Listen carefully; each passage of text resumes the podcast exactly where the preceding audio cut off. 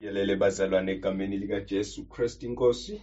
Namhlanje nakuyintokozo futhi kimi ukuba sabelane izwi likababa uNkulunkulu. Namhlanje na ke izwi silithola encwadini yezenzo sasihluko sesine indima yesikhombisa kuya kwindima yeshumi nambili. Eh izenzo chapter 4 soqala ukufunda kuverse 7 sime kuverse 12 singakafundi ke ake sikhuleke egameni lika Jesu baba wethu ongcwele uNkulunkulu wethu onamandla onke kusihlwa nje siyakudumisa. Sithi akekho njenganawe akekho ongalinganiswa nawe ayekho nongafaniswa nawe impela Nkosi. Buhle bakho kungaphezulu kobuhle bonke. Namandla futhi wena uphakeme uyabongeka ngezikhathi zonke. Namhlanje na kusiyama amehlo ethu siwabhekise kuwe. Namhlanje na kusiyama ithemba lethu likuwe. Egameni lika Jesu Kristu waseNazaretha wena njengomqalisi nomphelelisi wokholo lethu.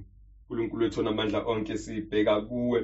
uNkulunkulu wethu ngoba uma sibuka kuwe noma uma sicela kuwe noma uma sibhekile nje kuwe Nkosi yami indlela yethu iyakuphumelela kahle. Ingakho Nkosi yami nakulolu suku sulithatha sizibuyisela kuwe egameni lika Jesu ngomkhuleko. Silindele Nkosi yami nokuzwa izwi lakho. Silindele Nkosi yami nokuba ukhulumisane nezimpilo zethu. Phendulane nezimo zethu. Egameni lika Jesu thatha udumo nezibongo zonke namandla nobukhosi ngayo uKristu Jesu ophilayo nophakeme kuze kube kuphakade. Amen. Siyafunda ke bazalwane izwi likababa uNkulunkulu encwadini yezenzo chapter 4 verse 7 to verse 12 la kufundeka khona kanje. Babamisa phakathi kwabo. Bababuza bathi lokho nikwenze ngamaphi amandla nangaliphi igama na?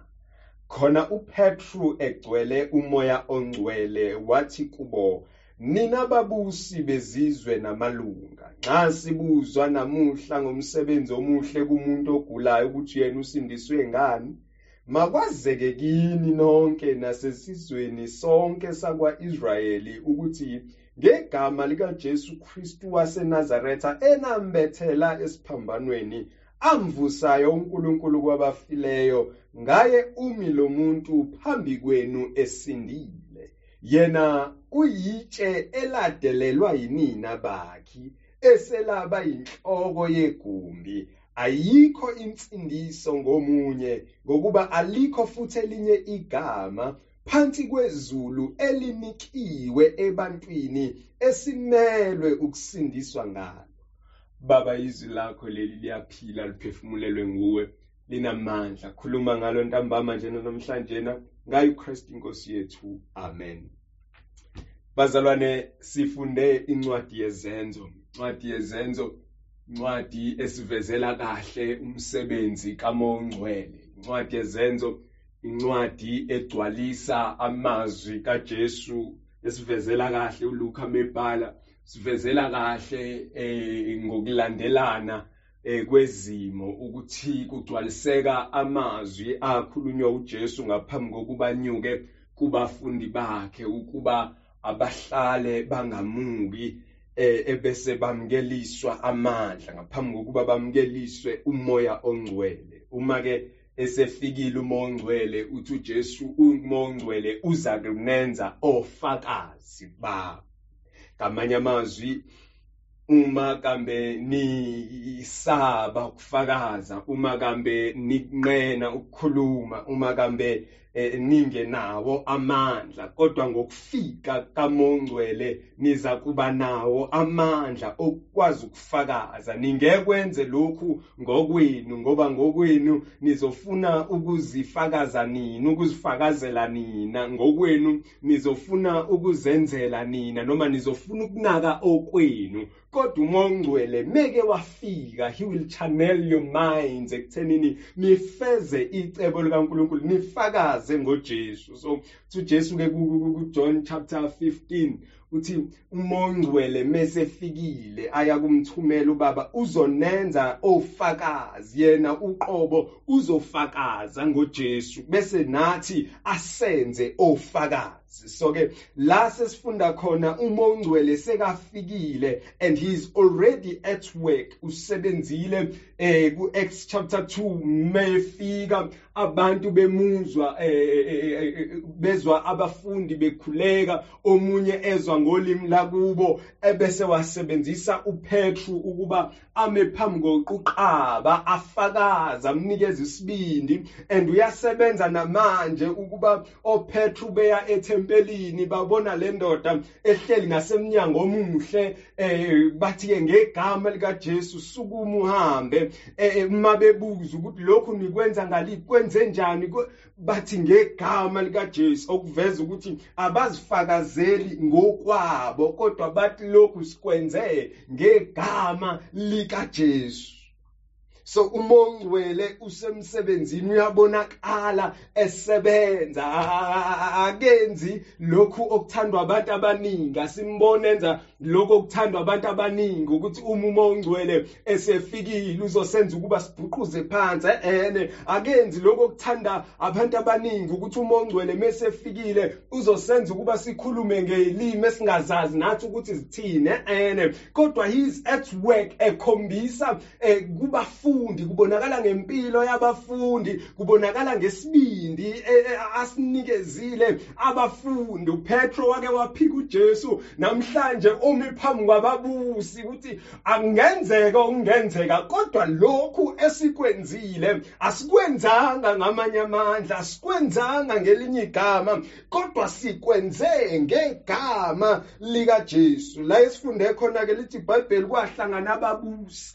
Ababusi babantu abanikazi bethempeli becasulwe isenzo soPetru benoJohane ukuthi basukumise umuntu ethempelini okade ehlala khona ethempelini eyisinxibi ecela ingakwazi ukuhamba ehlala efike bekwa njalo ngasemnyango omuhle ukuze acele akwazi ukuyiphilisa. Kodwa lamadoda mefika ethempelini amnikeza okungcono esehlalile esephilile for more than 40 years ehlala engakwazi ukuhamba lamadoda mefika athi esinakho ilokhu ngegama lika Jesu sukuma uhambe. And abantu ke noma abapriest abakhulu ishamthetho zasethempelini zacasulwa ileso senzo ukuthi lokhu ke enikwenzile nikwenze ngaliphi igama.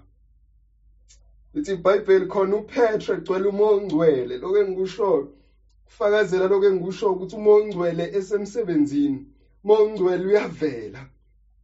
Esebenza empilweni kaPetru uthi uPetru kubo nina ababusi bezizwe namalunga. Nxa sibuzwa namhlanje na ngomsebenzi omuhle kumuntu ogulayo ukuthi yena usindiswe ngani?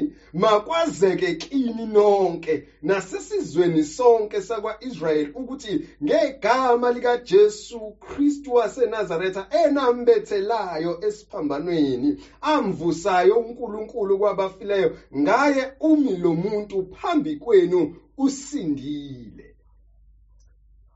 Uma uPetru bebuzwa bephambi kwababusi kulindeleke ukuba bazosaba kulindeleke ukuba bazonkwankwaza kulindeleke ukuba bazobhincela encenye cha cha cha cha cha. Kodwa uPetru unikwa umongcwele isibindi sokuba aphendule ababuzi bakhe. Abambuzayo ukuthi lalelani-ke uma nithi lo muntu lokho sikwenzile sikwenze ngaliphi igunya yazini namhlanje na ukuthi lokho sikwenze ngegama likaJesu Kristu.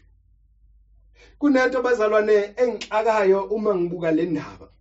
Ngifuna ukukhuluma mina namhlanje na ngithi kunamandla asegameni likaJesu. Kunamandla egameni likaJesu Kristu.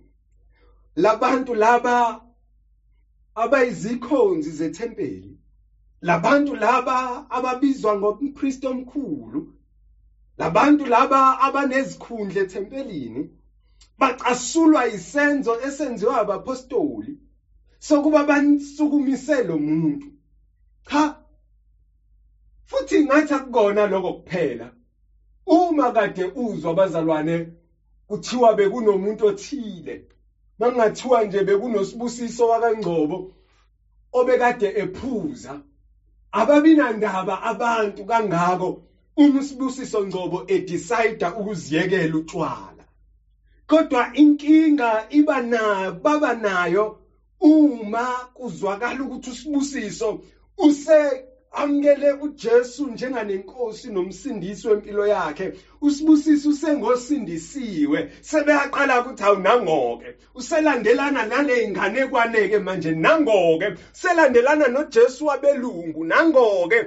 Inkinga iqala lapho ekuthenini kunojesu phakathi. Uma beke bezwa igama likajesu bayaqala manje ukubuka izinto ngenye indlela baze bacasukela isenzo esihle esenzeke kulo muntu ukuthi lo muntu akakwazanga ukuhamba kusukela ebuncaneni bakhe kodwa kuthenga sekugcineni kwempilo yakhe wakwazi ukutaste ukuthi kuyini ukuhamba. Wezwa kuhluma imsipha estrong kuyena. Bacasukela lokho hayi ngoba kukubi kodwa ngenxa yokuthi kunoKristu Jesu ah uma ukukholwa kwakho kungakabacasula abantu kusho ukuthi awenzi kahle mntaka baba uma ukukholwa kwakho uma uJesu wakho engaka akabanyanyisa abantu angiboni ukuthi wenza kahle ngoba lo Jesu lona ushilo phela uJesu wathi nina nithi ngilethe ukuthula chana kanye kepha inkemba ngizohlukanisa uyise nendodana unina nendodakazi.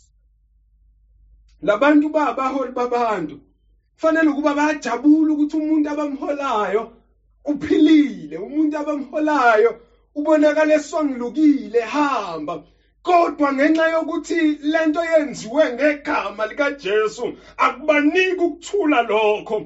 Ngenxa yokuthi uJesu abantu abamfuni ushila uJohane ukumemezele lokhu ukuthi weza kwabakhe abakhe abamazanga weza kokwakhe abamfunanga. Yiloko esikubona lana ukuthi abantu babayizisha izikhundla ethempelini abantu bemthetho abantu abalazi kangcono ngcono izwi. They rejected him bambeka ngaphandle and bacasuka ukuthi lokhu nikwenze ngaliphi igunya. Kufanele ngabe ibona abakwi-forefront ukugijima benze lezi zinto kodwa abakwazi ukukwenza lokho ngoba ujesu bambeke ngaphandle. uPetra kwazeke ukuthi lokhu sikwenze egameni likaJesu. Sikwenze egameni likaJesu. Lokhu kusivezela ukuthi bazalwane ey'ntweni ezibukeka zinzima ey'ntweni ezibukeka ngazuthi isisombululo sazo asisekho izinto esizibuke ngazuthi sezisahlulile izimo esibheka kuzo sithi hawu nkosi yami sekuze kwafika nalokhu kimi angisakwazi ukudabula. Izimo esithi masibhekana nazo usho ukuthi cha sengiye kufeni-ke manje uzuzinikele udedise konke ngiyakhumbula mina. Eh uPetru ebanjiwe lithi iBhayibheli ibandla lahlala lamkhulekela. Wayesekhumule ngisho imbadada nebhantshi lakhe okukhombisa ukuthi yena usezinikekele kodwa ibandla lamkhulekela. Egameni likaJesu bese wakhululeka. Kwesinye isikhathi siyele sizinikele kwizinto ngenxa yokungazi ukuthi ngegama ngegama likaJesu sisengasinda. Kwesinye isikhathi siyele sizilahle kwizinto ngenxa yokungazi ukuthi ngegama likaJesu isakhona insindiso. Usho njalo uPetru lana uthi ayikho insindiso ngomunye alikho elinye igama phansi kwezulu elinikiwe ebantwini esimele ukusindisa ngalo ngaphandle kwegama likaJesu.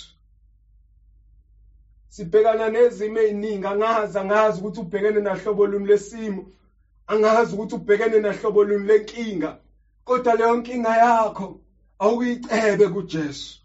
Awuyikhulekele uyinikele kuNkulunkulu. Uthe uNkulunkulu uthe uJesu ngelinye ilanga kuze kube imanje anikatholi lutho. Ngenxa yokuba anikaceli konke eniyakucela egameni lami niyakwenzelwa kona nkosi yami. Kunamandla egameni likajesu. Ayikho enye indlela engingayibeka ngayo le ndaba. Ayikho enye indlela engingayithatha ngiyibeke kangcono. Egameni likajesu khona insindiso. Kugezwa abantu ababi abafana nathi akade befanele ulaka likankulunkulu. Egameni likajesu kodwa kusenziwa idalwa ezintsha.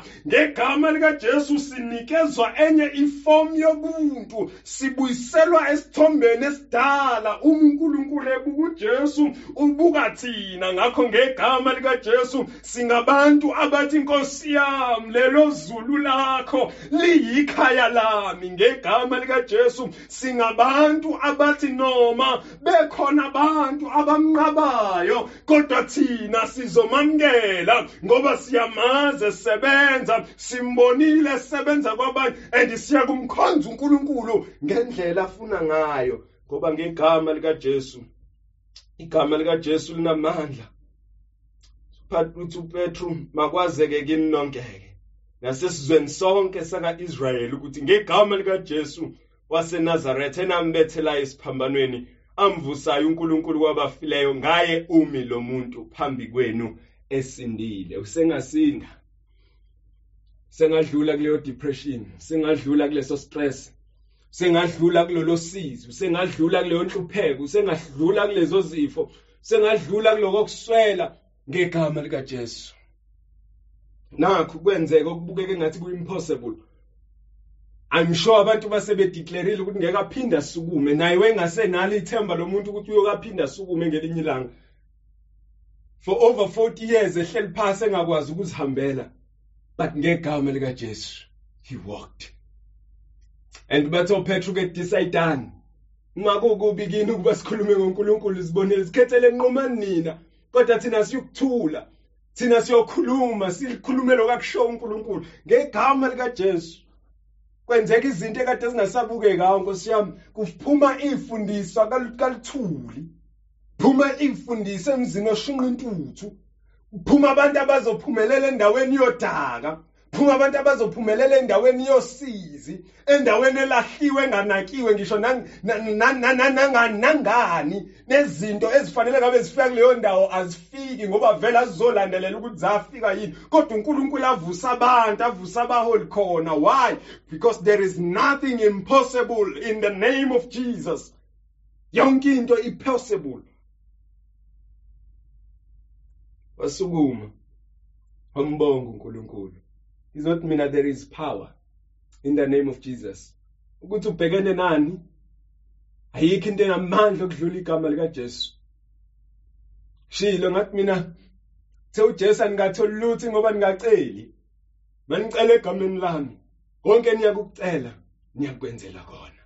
Silinikiwe igama bakwethu lilodwa igama likaKristu. Asilixubi nalutho. Asilixubi nalutho nalutho nalutho. Lona lodwa linamandla okugqabula izibopho. Lona lodwa linamandla okushisa eh nanoma yini ephosiwe bekiwe endleleni yethu. Lona lodwa linamandla okuqhephula amaketange esifaswe ngayo kufaswe ngayo impumelelo yethu ekufaswe ngayo ikusasa lethu. Lona lodwa linamandla okusinikeza ukuphila okungunaphakade. Igama likajesu nkosi yami ngeke sikuthole ukuphila okungunaphakade. Ngisho sesingashisa impepho sihlabe imbuzi sihlabe iy'nkomo sicele kwasebadlule emhlabeni angeke basize. But the name of jesus lona lodwa lona lodwa igama likaJesu esindiswa ngalo.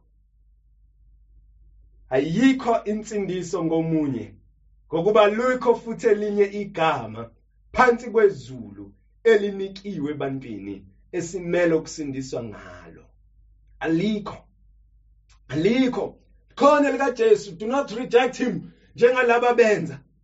Azathi umpostoli uPetru lana yena uyitshe eladelelwa yinina bakhe eselaba yinhloko yegumbi. Ingakho laba bebuza ukuthi ngikwenze ngayi kuphi lokhu? Why nenza lokhu? Why nishumayela ukuphila okuphakade? Why nivuse lo muntu. Why nimenze ukuba lo muntu ahambe ukuthi nina namnqaba nina nimfunanga ngakho-ke yingakho nisimangalela nibona kanjena. Yingakho abantu bebheka impilo yethu kangaka. Yingoba bamali ukristu and abambonanga babona sidlule ey'mweni nje bayamangala futhi kuyabacasula lokho ukuthi noma bethi basiphoselani noma bethi bafuna kwenzakaleni iy'bopho zabo ayiphumeleli injabulo yabo ayiphumeleli. Abakufisayo ngathi okuba kuphumeleli ngoba thina we are protected through Christ. Ngakho-ke ngegama likajesu uyakudlula noma ikephi. Ngegama likajesu uyakwenzelwa noma yini okufisayo uma ucela egameni likajesu. There is power in the name of jesus. Power usho njalo ohlabelelayo wathi power to break every chain. Power to heal every sickness. There is power in the name of, of jesus. Kunamandla egameni likajesu amandla ensindiso amandla okuphila okuphakade amandla enjabulo yangunaphakade asegameni likaJesu Kristu. Iza kuye lo Jesu ungamali njengalabo ekuthiwa bamala. Eseyinhloko yegumbi nje. Build upon this rock. Yakha kuye lo Jesu. Akabe isisekelo qina kuye. Egameni lakhe. Egameni lakhe. Uyakwenzela konke. Ngoba igama lakhe linamandla. Baba wethu ongcwele yise wenkosi yethu uJesu siyabonga entambama ukuzwa ngosiyami ukuthi igama lakho linamandla phezulu kwamagama onke. Nanoma ikuphi esicela kulo siyakwenzela kona. Thatha udumo nangalesikhathi nezibongo zonke namandla nobukhosi. Sesizwile nkosiyami ukukhuluma kwakho kuhlukile sesizwile nkosiyami ukukhuluma kwakho omngcono egameni likajesu qhubeka njalo usiqinise. Qhubeka njalo nkosiyami usilondoloze usiphe amandla ukumelana nazo zonke izimo. Egameni likajesu kristu wasenazaretha khumbuza loya mzalwane oseyethile. Khumbuza loya mzalwane osekhohliwe. Ukuba egameni likajesu kunamandla ngegama likajesu baba siyathandaza. Kuba nkosiyami leya mzalwane ohlaselwa imimoya leya mzalwane ohlaselwa izigulo leya mzalwane ohlaselwa ukufa leya mzalwane ohlaselwa hlobo lonke lenkinga abone amandla asindisayo asegameni likaJesu. uNkulunkulu Baba yise wenkosi yethu uJesu siyathandaza nkosiyami ntambama. Bonakala nkosiyami ngamandla akho amakhulu. Usikhipha nkosiyami ey'nkingeni zethu. Egameni likaJesu Kristu waseNazaretha usipha nkosiyami udumo phakathi. Nkosiyami kwesinye isikhathi enhluphekweni siphe nkosiyami ukuba sikudumise phakathi nkosiyami ekukhathazekeni siphe nkosiyami indumiso. Phakathi nkosiyami ekusweleni egameni likaJesu ngoba egameni likaJesu kunamandla. Thatha udumo nangalesikhathi nezibongo zonke ngayo uKristu Jesu ophilayo nophakeme kuze kube kuphakade basamukele umusa bazalwane umusa wenkosi yethu uJesu uthando lwaNkulunkulu Baba inhlanganyelo kaMoya oNgcwele ukube nathi sonke. Kusigcine kusilondoloza azafika uJesu Kristu inkosi yethu. Amen.